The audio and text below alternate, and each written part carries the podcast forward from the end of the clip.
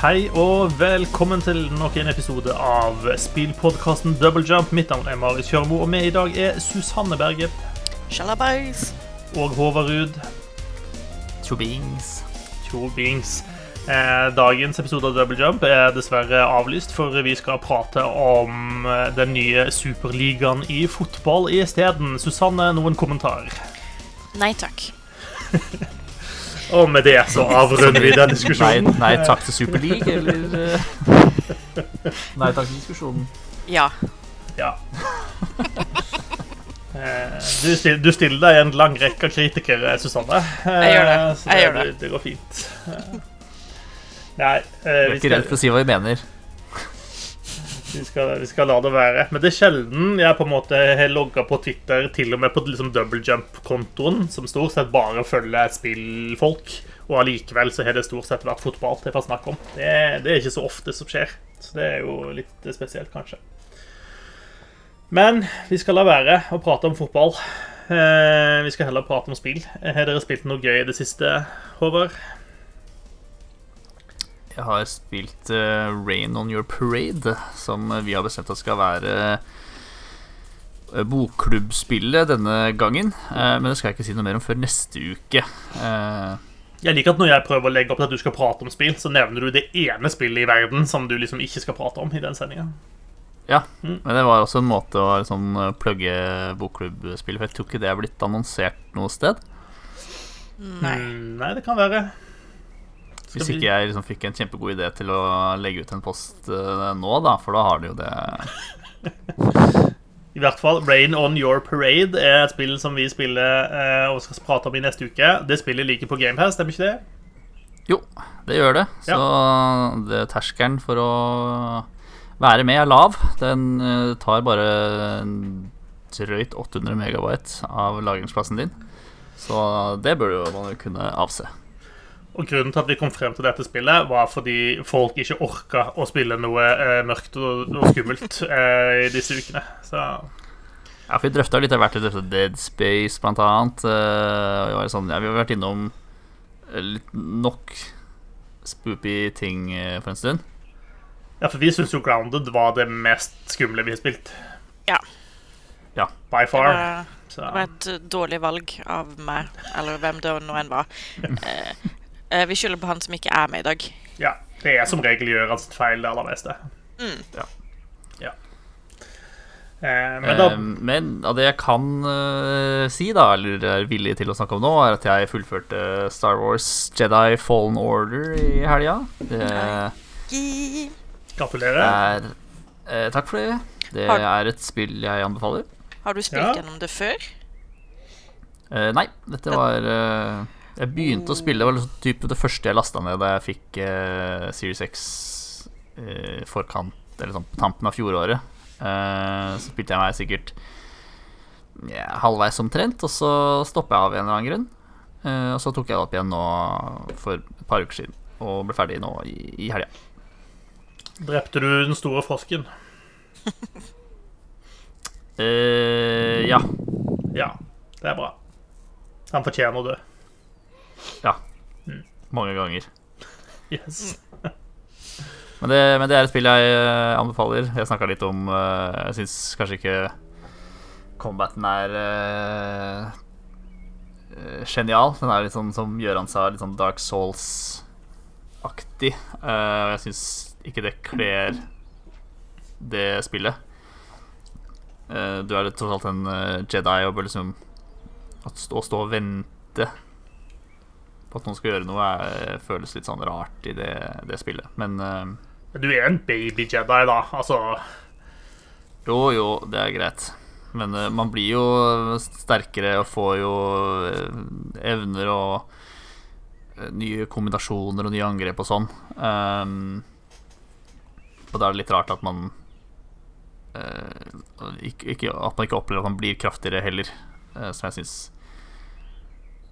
Ja, det er en litt sånn uoverensstemmelse der som ikke stemmer helt for meg, men uh, hvis du har lyst til å være tålmodig og vente på rette mulighet, eller åpningen for å få en litt eh, skade, mens du ellers eh, blokkerer det som kommer, så be my guest. Jeg skrudde ned på vanskelighetsgraden story mode og koste meg med det.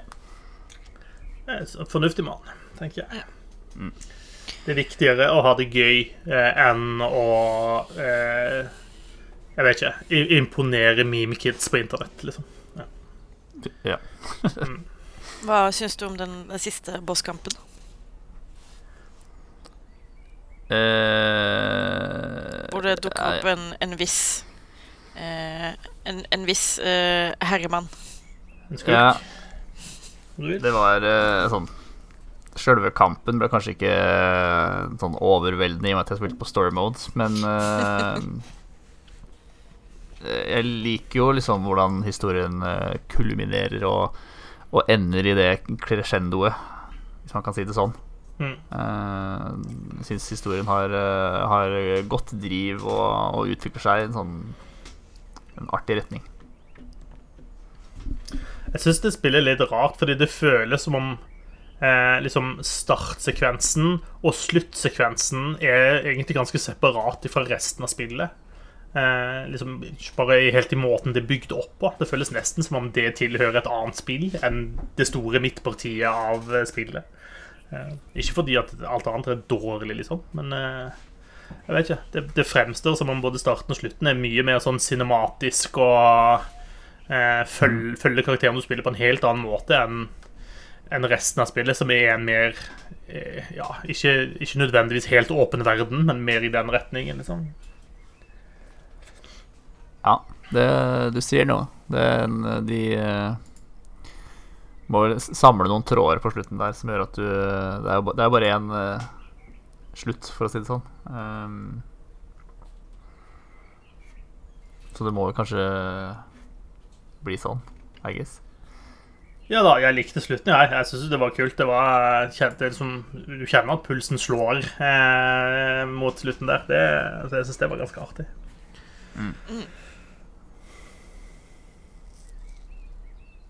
Ja. Nei, men eh, en anbefaling fra Håver på Fall Order, hvis du ikke har spilt det eller aldri gjorde deg ferdig med det. Så verdt å sjekke Ja. ut. Og hvis Det ligger du også på, på GamePass, så terskelen bør jo være lav der også. Uh, må vel kanskje ha GamePass Ultimate for å få tilgang til EA Play. Er det sånn det funker? Eller er det også i grunnversjonen av Gameplay, hvis man kan kalle det det? Eh, Jeg har lyst til å tro at det er med i vanlig versjon, men jeg skal ikke være forståelig her. Det vet jeg faktisk ikke.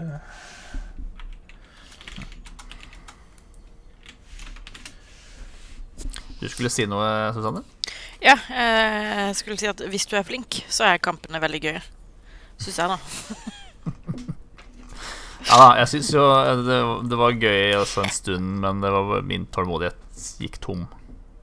Uh, det blir stående fast i en eh, bosskamp uh, sånn niende forsøket, og så syns jeg det så, føles så urettferdig når jeg eh, mener bevisst at jeg, og bestemt at jeg uh, trykka blokkeringsknappen i tide, og så gjør ikke Cal Blokkerer ikke Cal eh, likevel. Det oppleves urettferdig.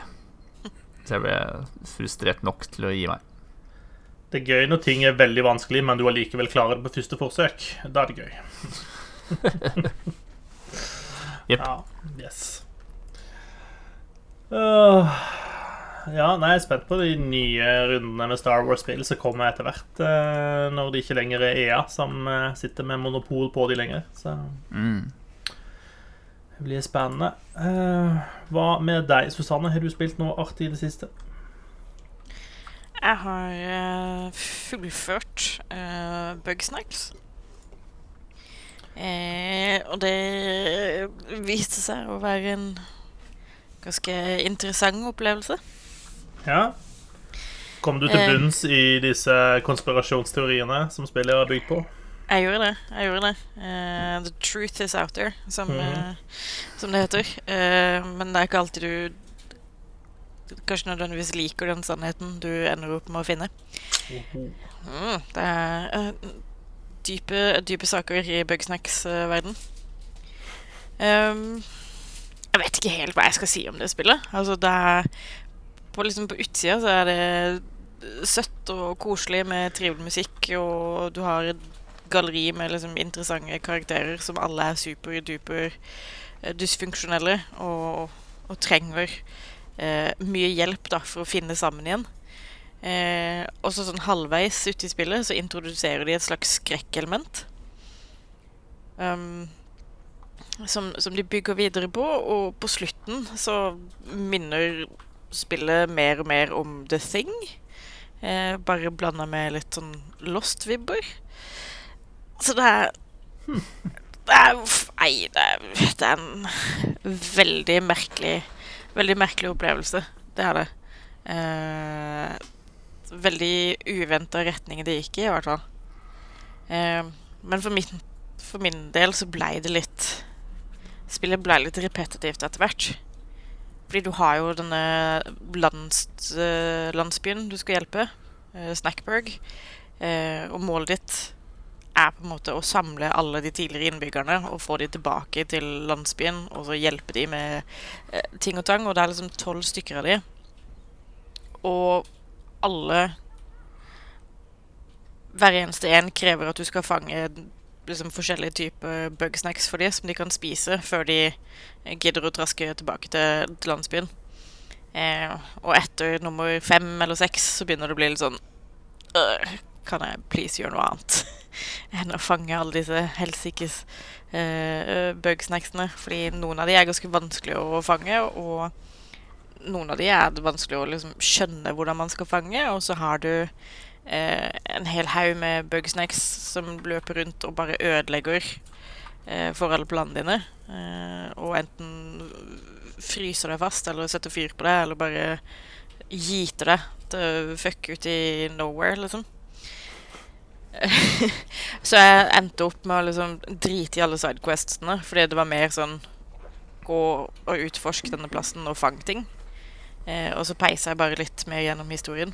Um, og jeg vil jo kanskje påstå at historien er verdt det å um, At liksom sluttpunktet er verdt alt det slitet du må gjennom før du havner der. For det er en, det er en wild ride, altså.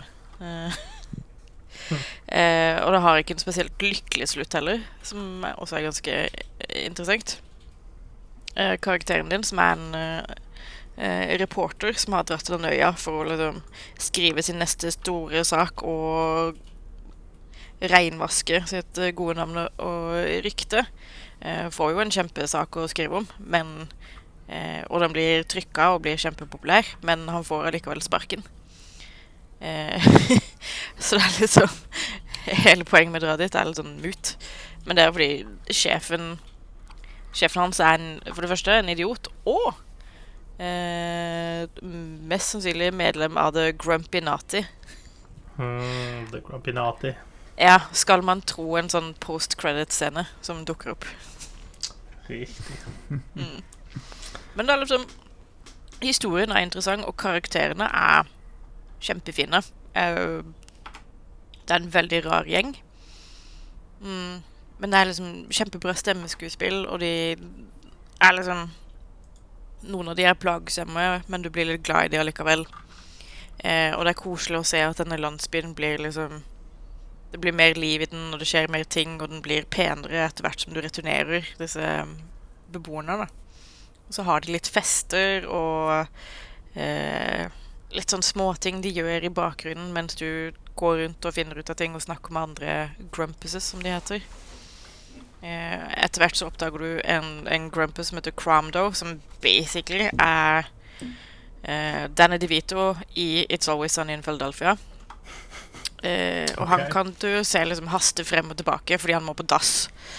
Uh, mens du driver og snakker med andre landsbyboere. Så driver han og springer rundt i bakgrunnen og hiver seg inn på dass.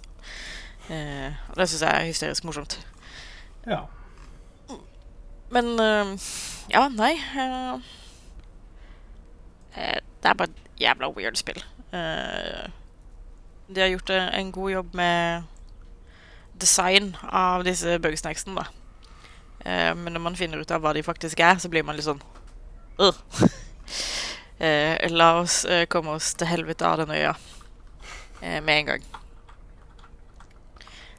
Så ja, jeg vil egentlig anbefale folk å, å spille det. Eh, bare for å få med seg denne tvisten på slutten. Altså, alt du har beskrevet av det spillet, eh, var ikke det jeg forventa at det spillet skulle være. Nei. Det er liksom Åh eh, Ja, det er superweird. Uh, og jo blindere du kan gå inn i det, jo bedre, egentlig. Jeg visste ingenting om det spillet, bortsett fra den ene traileren som ble sluppet that one time. Uh, yeah. hvor- alle var litt sånn Hva faen er Bugsnacks for noe? Eh, så jeg syns jeg har drøtt Hatt en fordel i det, da. Å bare finne ut av det etter hvert som, som karakteren min finner ut av ting, på en måte. Mm. Nei, men artig. Mm. Uh, verdt å plukke opp Bugsnacks. Uh, det er vel ute på, på litt forskjellige plattformer, eller? Ja det, det er vel på alle, tror jeg. Jeg spilte i hvert fall på PS5, men det er vel egentlig et PS4-spill. Ja, jeg lurer på om det kanskje bare er på PlayStation og på PC. Ja, skal vi Kanskje på Mac også, da. Men jeg tror kanskje det ikke er tilgjengelig på Xbox eller Nintendo. Eh, nei, det er PS5 og PC, ja. Og Mac. Mm. Faktisk. Den er god. Er det noe annet du har spilt du har lyst til å prate om? Eh, jeg har lasta ned noen nye spill. Eh, ene heter eh, Spirit of the North. eh, hvor du spiller som en eh, rev. eh, og skal på en måte utforske og ta deg gjennom et sånn kjempefint landskap som er inspirert av Island. Og så har jeg lasta ned Kentucky Route Zero, The TV TV ja. Edition. Som jeg gleder meg veldig til å sette meg ned med. Jeg er spent på å høre deg fortelle om. Så uh, Ut ifra det lille jeg har lest om det så langt, så virker det veldig eh, som min eh, Mitt shotglass med whisky, for å si det sånn. For du drikker whisky i shotglass? Ja. Ja. Egentlig rett fra flaska, men eh, Ja, ja, prøver å være, være, ha litt klasse over det. ja. Vi skal være litt fjong. Eh, Så Mm. finner vi frem med shotteglassene som det står eh, eh, Altså eh, tyrkershots på, eller noe sånt. Ja. Mm. Yes. Nei, men denne gode, da gleder vi oss til å høre om det. Eh, Jeg har begynt å spille It Takes Two eh, med min kone. Eh, Og du hadde jo en veldig varm anbefaling av det tidligere i en tidligere episode, Håvard. Det hadde jeg. Mm. Så det driver vi og tester ut, eh, og det er jo litt artig, fordi min kone er Um, Jeg spiller eh, generelt ikke noe særlig dataspill. Hun spiller The Sims, og that's about it, liksom. Um, jeg har klart å lokke henne med på å teste dette, og det har gått ganske bra. Uh, hun blir litt sånn frustrert innimellom, fordi hun er ikke vant til å styre spill med en håndkontroller. Eh, og når si, ting som for meg er supernaturlig å gjøre og tenke, er ikke det for henne. Eh, som for bare det å, å, si, manøvrere to, to stikker samtidig, eh, og også trykke på noen knapper innimellom, er for henne veldig uvant. Eh, så det er litt sånn der kamera-issues eh, og sånt innimellom. Men, eh, og, og, og litt frustrasjon, men ikke mer enn at det har gått greit, og at vi har på en måte kommet oss eh, et godt stykke inn i spillet, tror jeg. Um, spillet i seg sjøl er jo egentlig ganske stilig. Eh, med disse, dette foreldreparet, dette ekteparet, som blir krympa ned til små dukker. Eh, og så må gjennom masse rare prøvelser. Eh, for å jeg vet ikke, bryte forbannelsen eh, som, som er på de. Det er ganske artig. Masse små ting du må gjøre sammen, liksom. I det meste av spillet er split screen. Men det er jo med fokus på samarbeid, og det er ganske kreativ verden de har kommet opp med. Eh, fienden du møter, er ofte ganske gøy, alle. Eh, så der er ekornmilisja eh, som du på en måte må delvis alliere deg med og delvis flykte fra. Eh, eh, eh og ganske gøy. Eh, og de vepsene de kan forresten eh, dra dit pepperen går. som veps generelt. Ja, ja, gjør de det. Ja. Og så er det en jeg skal ikke spoile noe, men det er en incident med en elefant som eh, kommer til å gjøre deg eh, Gi deg arr på sjelen. Eh, det er få dataspill eh, hvor jeg sitter og føler meg liksom moralsk ond. Eh, men, men, her gjør jeg det, altså. Eh, ja, den er, den er, ugrei, den sekvensen der. Den scenen der er, er fæl. Den er skikkelig ugrei. Og det er sånn hvor, Når ble liksom de, dette ekteparet som spiller, når ble de så eh, enorme psykopater? Eh, som jo er det de er på et tidspunkt inni der. Eh, nei. Og, og, begge, både jeg og min kone sitter der og bare Nei, vi har jo ikke lyst til å gjøre dette slutt. Men eh, vi fant i hvert fall ikke noen vei utenom. Så, mm. Nei, det var sånn vi hadde også. Mm. The greater good. Ja Tja. Tja. Jeg vet ikke. Eh, men det har vi i hvert fall drevet og holdt på. Så kjører vi sessions der vi spiller et par timer om gangen, og så tar vi litt pause. Eh, og det har fungert ganske bra. Så eh, ja, jeg anbefaler sterkt det hvis du har noen å spille sammen med. Ja, fordi det er ganske artig. Jeg vet, jeg vet ikke ennå. Nå har ikke vi spilt det til endes ennå. Men jeg, jeg, lurer på om jeg kanskje ikke er like high på det som du var, Håvard. Eh, jeg syns det er veldig gøy, men, men å liksom slenge det inn som en sånn potensiell Game of the Year, det Jeg vet ikke. Jeg er ikke helt klar for det ennå. Nei. Vi har kanskje ikke det samme eh, forholdet til plattformspill heller. Heller samme entusiasmen for plattformspill. Nei, det har du jo rett i. Jeg liker det jo ikke i det hele tatt. Uh, så Uh, nei, for, for, min del så er det jo hele det samarbeidsaspektet og egentlig den kule verden de har lagt, som er det som, uh, som appellerer, da. Uh, det, det, å drive og, og hoppe og trykke på knapper er i seg sjøl ikke så spennende, tenker jeg. Men, ja. Eh, så det er ganske gøy. Eh, så har jeg begynt på eh, den nye utvidelsen til Stellaris, som heter Stellaris Nemesis. Eh, jeg skal ikke prate så mye om den, fordi jeg har ikke fått spilt nok på det ennå. Eh, mye av det nye innholdet i den utvidelsen eh, er knytta til liksom endgame-biten av spillet, og så langt har jeg ikke kommet ennå. men noe av det som de gjør i starten, er også ganske kult. de har lagt til sånn ja, de, kaller det, de, de, kaller det at de har lagt til mer mystery eh, i universet.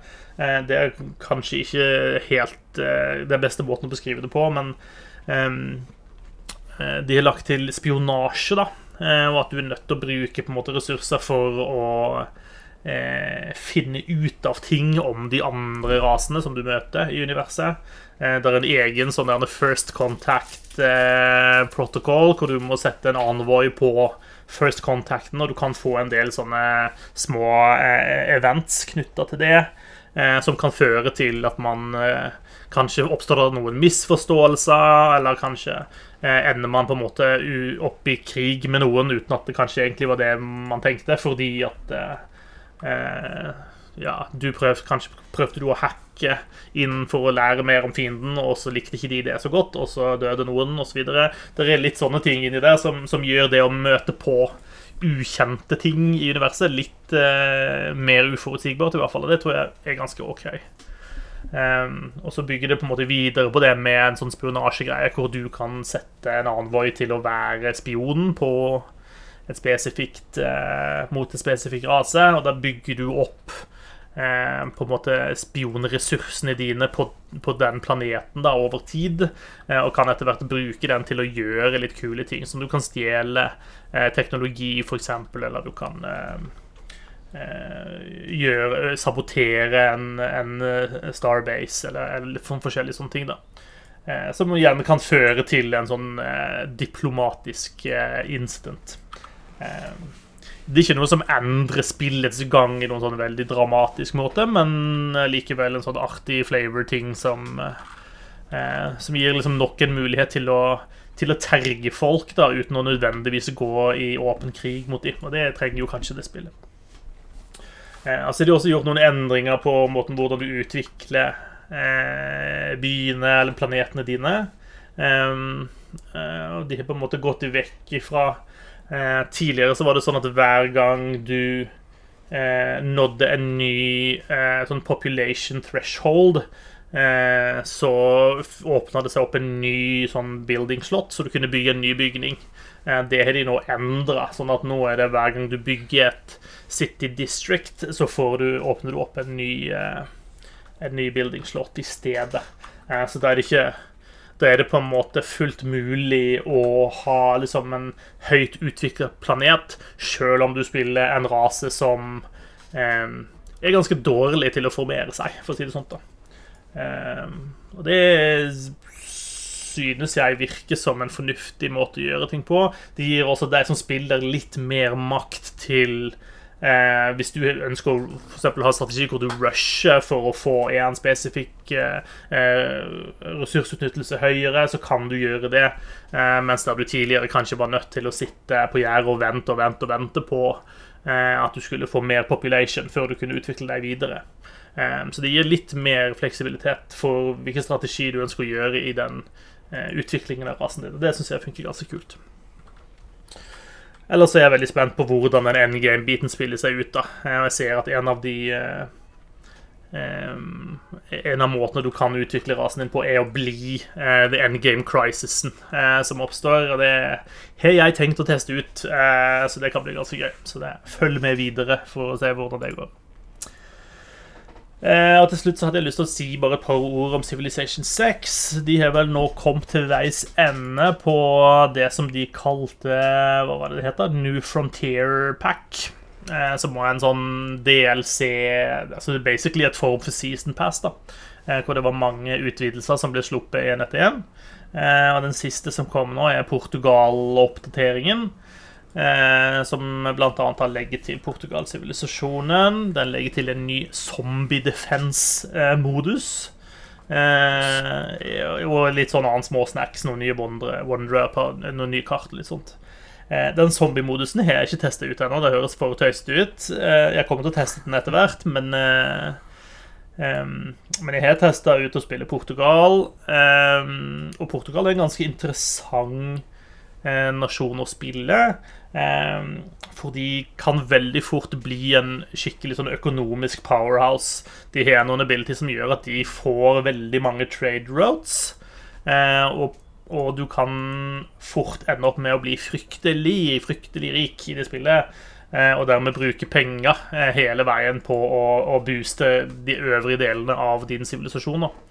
Så i stedet for å bygge soldater, så kan du bare kjøpe soldater fordi, når du trenger dem, fordi du svømme i penger. Um, det er også en uh, god nasjon å spille dersom du ikke ønsker å vinne spillet med krig, men du ønsker å vinne en økonomisk uh, seier, f.eks., eller en, en, science victory eller sånt. Så um, uh, jeg syns det er kult når de legger opp til det er jo alltid ment at du skal kunne vinne spillet på mange måter, og det er kult når du har sivilisasjoner som faktisk bygger opp under det. da Og der fungerer, fungerer Portugal bra. Eh, det man merker etter hvert, da, er at eh, Civilization 6 Nå har det fått alle disse oppdateringene, så eh, det er ganske mye mange valg du nå kan gjøre når du velger å starte et spill. Og spillet kan bli ganske tøysete etter hvert, fordi det er så mange forskjellige ting. Når du slenger inn på alt, fra zombier til liksom sånn megaapokalypse, naturkatastrofer til disse rare sånn heroene som du kan rekruttere, sånt, så, så, blir det ganske mye rart. Eh, og så kan du eh, randomise eh, tech-treene, sånn at du får teknologiene litt mer hulter til bulter innenfor sin æra. Eh, så ting kan bli ganske uoversiktlig. Eh, jeg hadde en game der nå når jeg spilte Portugal, eh, og så fikk jeg rekruttert Eh, en av de heltene jeg lurer på om det jaggu meg er Sinbad-sjøfareren, eh, som jeg fikk rekruttert. Eh, Yes. og, ja da, det, det er sånne mytiske helter du på en måte kan, kan rekruttere. Eh, og han, he, eh, han er jo en seiler, ikke så rart.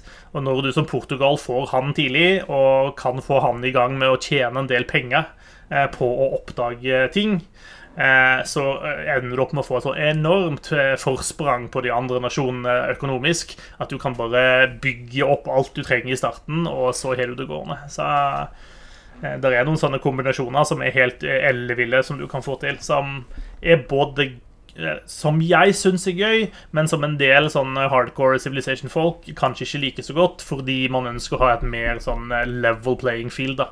Eh, Så her er det mer at ting kan sprike i alle retninger. Så, men eh, Civilization 6 er et spill hvor du jo sjøl kan bestemme eh, i veldig stor grad hvordan du ønsker at et spill skal være. Det er du som setter opp spillet og skrur av og på alle disse tingene, alt etter hva du har lyst til å ha med og ikke.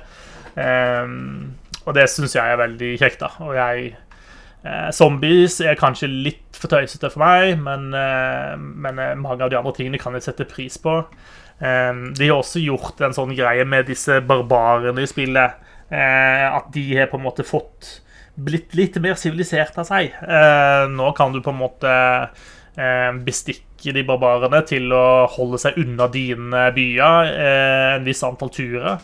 Og over tid, hvis de på en måte får lov til å bare bli værende i basen sin der, og du ingen som utfordrer den, så vil den kunne utvikle seg til å bli en bystat til slutt, som du da kan drive handel med og sånt. Så det syns jeg var veldig kjekt, fordi de der barbariansene har, jo bare vært en sånn slitsom plage.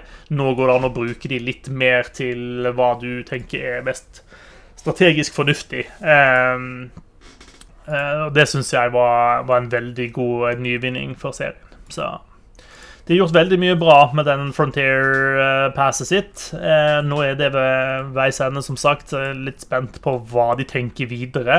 Om de har tenkt å fortsette å gjøre ting mer, eller om det er et nytt Civilization på vei snart. Hvem vet? Um, jeg er også litt redd for at hvis de skal fortsette på en måte med Si de skulle tatt en ny sesong da, med, med, med det samme som de har gjort i dette passet til nå, så kommer spillet til å bli, bli fryktelig uoversiktlig etter hvert. For da kommer det til å være så mye rart inni der at eh, det blir vanskelig å kjenne igjen spillet. Eh, og jeg er litt spent. Lurer litt på hvor mye spillet i seg sjøl eh, kan tåle også, rent mekanisk. Så ja. Kanskje er det på tide å si seg noenlunde fornøyd med Civilization 6 og se videre mot nye eh, Nye spillprosjekt for eh, Firaxis. Starte på nytt med Civilization 7. Kanskje. Eller kanskje de skal gjøre andre ting. Eh, lage noen andre strategispill. Eh, de er jo også de som har lagd XCOM-spillene. Kanskje kommer det et nytt XCOM-spill snart. Hvem vet? Det hadde jeg syntes var gøy. Det hadde sikkert Gøran syntes var gøy òg. Ja, jeg tror det. Jeg mistenker det.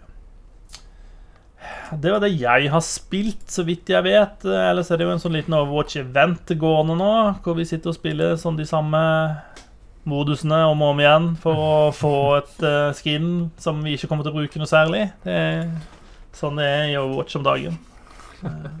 Ja, den er uh, litt sånn snedig, den eh, varianten de har gått for nå, hvor du må spille disse PVE-eventene for å låse opp ukas skin. I stedet for at du bare må, må vinne en kamp i en vilkårlig modus. Ja, de tvinger deg liksom til PV-ene, og det Jeg tenker kanskje det lover litt dårlig også, for hvor mange som spiller spillet nå. Jeg vet ikke. Hvis de føler at de må liksom pushe folk inn i de eventene, så er de kanskje ikke like attraktive lenger. Ja, jeg tipper det har mer å gjøre med at de Dette er vel andre året på rad hvor det ikke er noe nytt PV-event til Archives. Um, og folk er jo litt uh, upset på grunn av det. Eh, For alt alt spares til Overwatch 2, som kommer på et eller annet tidspunkt. Et eller annet tidspunkt uh, Ikke i år. Nei. Så det er vel eh, det er nok en eller annen måte, eller en måte å få folk til å faktisk spille Archives-oppdragene på, tror jeg. Selv om er det egentlig nødvendig? Ja, nei, det, det, du spør det riktige spørsmålet. Eh, ellers så har jo Overwatch League starta opp igjen. Mm. Det var vel på fredag at det begynte å rulle igjen for fullt. Yeah. Ehm, jeg har sett fire kamper så langt for den første, første uka. Og så pleier jeg å sitte og se en del kamper i reprise også utover uka. Så um, det er noe jeg har venta veldig lenge på, har vært veldig gira på. Så det er kult at det liksom endelig er her. Mm. Fortsatt Eh. litt sånn uh, semi-ugunstig tidspunkt for eh, oss her i Europa, men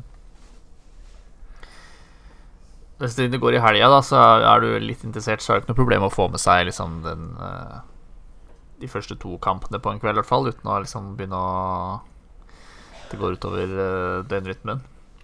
Ja, jeg tenker også altså, når du spiller kamp liksom klokka ni, eh, der går det fint an å få med seg, liksom. Eh, men Mm. så blir det et spørsmål om hvor, hvor lenge du skal holde på.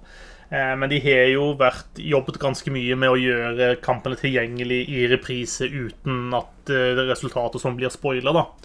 Fordi de vet, de vet at det ikke alle kan altså, Det er en ganske global interesse for Overwatch League. da Det er på en måte vel så mange som ser på i Kina som i Europa og som i USA. Så Um, så der, Det funker ganske greit. Jeg syns jo at det samarbeidet de har med YouTube, er ganske bra. da Eh, YouTube er mye bedre på, på den reprisebiten enn det de var på når de, når de hadde avtale med Twitch. Ja, akkurat det er faktisk bedre. Det, det er jeg enig i. Mm. Litt uh, Det tok jo en hel sesong å få på sånn uh, rewards-system. Ja. Det, nå, men nå er det oppe og gå også. Så du kan koble Ja. Battlenet-kontoen din til YouTube-kontoen din, og så kan du få, få rewards. Men, jeg tror det, men jeg tror du må se live for å få rewards. Ja, det er jeg ganske sikker på. Ja. Uh, det tar jo Og du kjenner ikke så fort at det gjør noe. Uh, lot uh, streamen stå på en hel kveld, og jeg fikk uh, 20 poeng eller noe sånt. Ja, og du trenger 200 for å kjøpe en skin, er det det som er greia? Ja. Ja. Så, så det blir noen kvelder på deg fremover. Håper. ja. Om jeg skal kjøpe meg noe Overwatch League-skin som jeg egentlig ikke ser helt behov for. Jeg har liksom ikke noe favorittlag uh, som gjør at jeg har lyst til å kjøpe et uh, skin mer enn noe annet. Eh, Nei, men det er vel de poengene du kan bruke til å kjøpe sånne MVP-skins og sånt når de kommer ut. Og de er jo ganske kule og litt sånn la, laguavhengige, på en måte. ja, det er jo sant. Så går det an å spare på de. Ja. Til det. Ellers så kunne jeg prata veldig mye om eh, Visa-utfordringer for eh, e-sportutøvere i Overwatch League og sånt, men eh, vi trenger ikke, vi trenger ikke plage dere med det. Nei, der er det en del triste skjebner foran denne sesongen.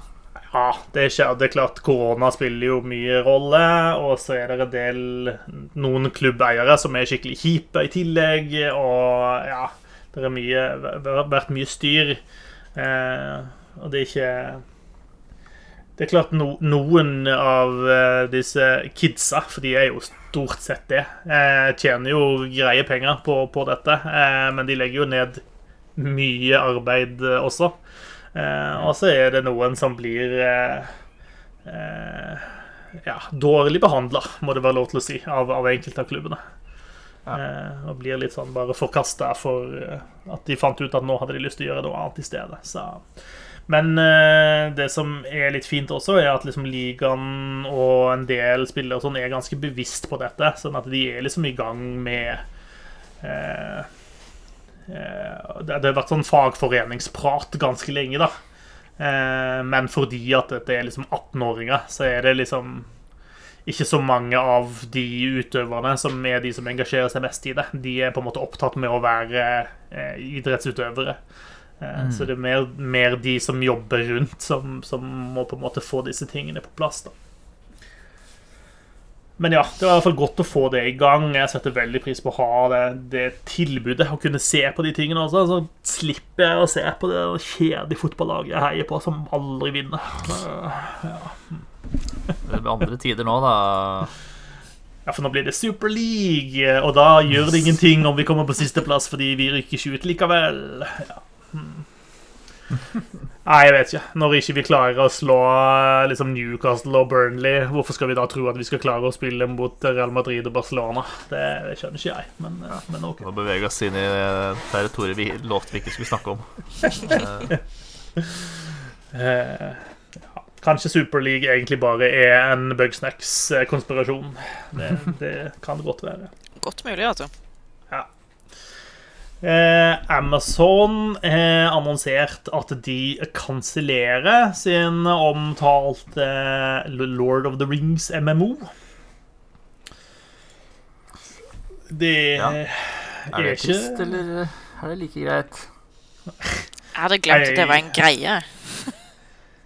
Ja, det hadde jeg helt tatt, jeg også. Ja. Altså, vi liker jo gode dataspill. Hadde det vært et godt dataspill, så hadde jeg syntes det var gøy. Eh, men eh, det får vi aldri vite.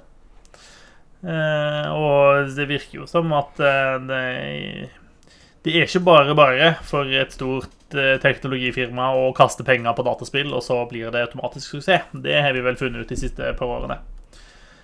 Eh, og Amazon har jo lagt ned flere ting som de drev på med i ganske lang tid. Eh, det er vel omtrent bare New World igjen av spill de holder på med, som, som eh, de ikke har lagt ned. Eh, og det har jo blitt til, i hvert fall, ja. ja, og det har jo blitt utsatt og utsatt og utsatt. Så um, jeg tror det var mange som hoppte på Amazon Game Studios og tenkte at her har vi funnet liksom en videogame sugar daddy som kunne spytte masse penger inn i kule prosjekter, og så har de uh, sittet igjen med skjegg i postkassa, dessverre. Det er, det er kjedelig. Jeg er jo spent på om vi i det hele tatt kommer til å få se New World i action noen gang. Eh, men jeg føler jo det Det har jo vært Det har jo vært spillebart. Altså Influencere og sånn har jo liksom fått bilds av det som de har spilt og streamt og drevet på med. Eh, Så det vil jo være skikkelig nedtur hvis de kansellerer det også etter hvert, da. Men uh, vi får se. Jeff Bezos kan jo finansiere hele utviklinga i dag og våkne opp med mer penger på kontoen i morgen, da, så Do something good for once. Altså, Jeff Bezos kan jo finansieres alle spill herfra og ut i evigheten og fortsatt ha penger igjen. Jeg skjønner ikke hvorfor han ikke gjør det. Jeg så en sånn en utrolig eh, fiffig tråd om uh, hvor noen satte som mål å liksom, bruke opp pengene til Jeff Bezos. Ja. Uh, og han har jo Jeg husker ikke hvor mange milliarder dollar der han har i formue, men de gjør sånn uh, La oss begynne med å ut, altså utradere fattigdom da og sult i verden. Mm. Eh, ja, det, sånn, det gjorde jo et innhogg i formuen, men det er jo fortsatt så mye penger at man vil jo slite med å bruke det opp uh, uh, likevel. Og de endte liksom også med sånn Ja, la oss kjøpe oss eh, Alle i redaksjonen får en sånn yacht. Ok, det var jo, syns jo ikke på, på innkjøpslista. Um, hele Storbritannias befolkning fortjener en, en halvliter med øl etter at denne pandemien er over. Ja, Det syns jo ikke. Eh, la oss slenge på at de får en, eh, en eh, Big Mac-meny til nattmat. Eh, altså, eh, ja, det ble faktisk Til sammen så ble det et knepp, da. Sånn. Den tråden var uh, titalls tweets lang. Um, og det, fortsatt var det 100 milliarder dollar igjen på, på bok. Så ja, han kunne liksom eh, Kunne fiksa jævlig mye her i verden. I stedet for så velger han å være en eh, Lex Pikk. Ja, han er en kjempepikk. Eller Han er en kjempepikk. Han har nok en liten en. Han må jo kompensere for et eller annet. Ja, altså Er det fordi han er skalla? Uh, har han bare syv tær? Who knows? Eh, men han tjener jo sånn Hva er det sånn 4000 dollar i minuttet eller noe sånt. Jesus Christ. Han kommer aldri til å gå tom for penger, uansett hvor mye han liksom Uansett hvor mye han bruker. Så 1000 dollar i minuttet. Hvis han bare hadde skjøvet de pengene over på min konto i sånn fem minutter, da, så kunne jeg pussa opp hele leiligheta. mm. Og hvorfor gjør ikke, hvorfor gjør ikke Jeff det? Hva, hva Nei, er det er jo, det, det er jo den fine Twitter-kontoen 'Har Jeff Bezos eh, gjort slutt på hungersnøden i dag?' Eh, hvor svaret er nei hver dag. Dessverre. Mm. Jeg har fulgt den, eh, den kontoen skuffende lenge. Øh, ja da. Men egentlig er vi jo bare misunnelige. Vi har jo også lyst til å være de som sitter med masse penger og ikke bruker de til noe snilt og hyggelig. Bare så vi kan være kjempekuk og peke nese til resten av verden. Ja. Utvikle vårt eget eh, romfartsprogram og sånn, fordi vi har ikke noe annet, har ikke noe, mer, noe annet å bruke penger på. Vi har brukt penger på alt annet. Ja, vi kan, vi kan kalle det Jeff Bezos sucks. Eh, alle Space program. Ja, Space Program. Så, ja da.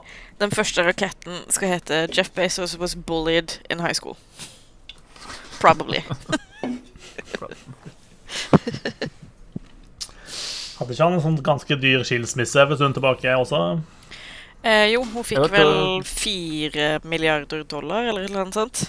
Ikke mer? Jeg tror hun ble Amerikas rikeste kvinne natta. Ja. fordi hun fikk en del av hans formue. Ja, det er jo Ja, men i motsetning til Jeff så donerte hun mesteparten til uh, forskjellige charities. Mm. Så hun var ikke verdens rikeste kvinne veldig lenge. Nei, riktig. Så hun har et hjerte, i Ja. motsetning til sin forhenværende ektemann. Mm. Øh. Men Jeff Bezos har jo The Bezos Earth Fund, som han bruker masse penger på. Eh, som han også tjener penger på, fordi det er tax, tax deductible.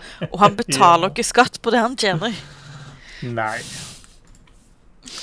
Lex, Lex Luthor der, altså. Ja, ja.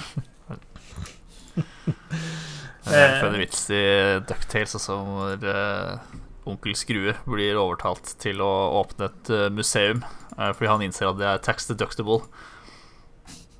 Så har han et museum hvor han eh, stiller ut alle skattene og klenodiene han har samla i løpet av sitt livstid. Som han selvfølgelig tjener inngangspenger på. Det kunne jo helt sikkert Jeff Bezos gjøre også. Helt sikkert. Kom og se på alle pengene jeg eier. Uh. Ja, kanskje vi skal gjøre en sånn fast uh, spalte i podkasten vår. Hva gjør du nå, Jeff Bezos? Mye det samme som før der, altså. Tjene penger. Passe på de sjøl. Ringe han. Uh, Åh, det hadde vært hilarious, da. ja. Ja, hvis vi må betale 4000 dollar i minuttet, så blir det en veldig dyr samtale fort, da. Vi Vi får sette opp en Patreon eller en uh, GoFundMe eller en Kickstarter eller noe slag. Og så får vi alle lytterne av uh, Double Jump til å bankrolle oss, sånn at vi kan ringe til eh, Jeff Bezos i ti sekunder. Og så må- hva, hva, hva, ville du, hva ville du på en måte spurt? Hva ville du gjort med de ti, ti sekundene? som står? jeg lurer på om jeg bare hadde skreket høyt inn, Ja. i, inn i telefonen i ti sekunder. Ja, ja. Vi trenger ikke få noe feedback fra han, det er mer hva vi vil formidle til han. Ja. Ja. Eventuelt uh, You suck uh, sincerely uh, the entirety of Norway. Ja. Han hadde sikkert funnet en måte å tjene penger på det også, vet du. Ja, ja, Det ja. er det mest provoserende. Ja. ja.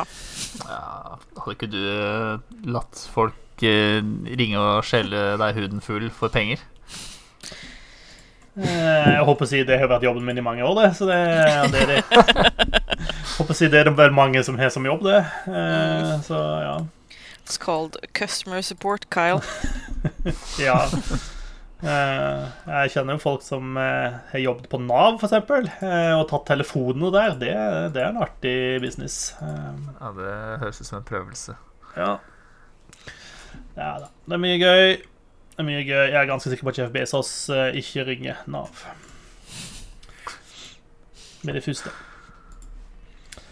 Skal vi, skal vi jeg, jeg føler på en måte at vi, Nå er vi så langt inn i Jeff Bezos-praten at vi er ferdig med dataspillet for i dag. Ja, det, det tror jeg. Ja, jeg tror også det. Eh, Så får vi komme oss eh, tilbake igjen på sporet til neste uke. Eh, Takk for at du var med oss. Vi spiller Rain on Your Parade til neste gang. Det kan du sjekke ut på GamePass og gi oss en lyd på hva du syns om det. Skal vi gi deg vår mening om en ukes tid. Kanskje Gjøran tilbake også. Da er det slutt på disse jobbkrisene hans, forhåpentligvis, så han kan være med oss igjen. Eh, Ja. Vel blåst, Det er, det er sånn et jobbkrise i anførselstegn. Det er sikkert en eller annen, et eller annet event i eh, Path of Exile eller uh, Disse looter shooterne han spiller. Ja, altså, det er sikkert eh, noe sånt, ja. Eh, Han oppdaget liksom en ny grein på skill-treet i uh, i Outriders. Så, så nei, sorry, ass. Det er full Det er, det er helt krise på jobben. Ja. Jeg har faktisk spilt litt Outriders også siden sist. Begynt å åpne det der talenttreet, og så ble jeg svimmel, og så lukka jeg det igjen. Det er, det, er, det er mye å sette seg inn i. Ja, mye å sette seg inn i, og samtidig så, kan du, så trenger du ikke være helt gjøren heller. Du kan bare plukke ting du syns høres gøy ut, og så går det greit, det også, tror jeg. Ja, jeg orker ikke sånn minmaksing. Kanskje jeg får tid hvis jeg får tre barn en gang. Ja, stemmer. Da, det, det er da vi skal uh, slå oss ut uh, som og bruke mye tid på dataspill. Uh, når vi har fått mange Ja. Det gjør han jo Yes. tydeligvis det. Han flyttet til et annet sted langt ute i Huteheita med masse snø og bålpanne. Yes. Det er krise på jobben hele tida, så det yes. Nei da. Eh, takk for at du var med oss. På gjenhør om en ukes tid. Hei så lenge. Ha det bra, da. Ciao.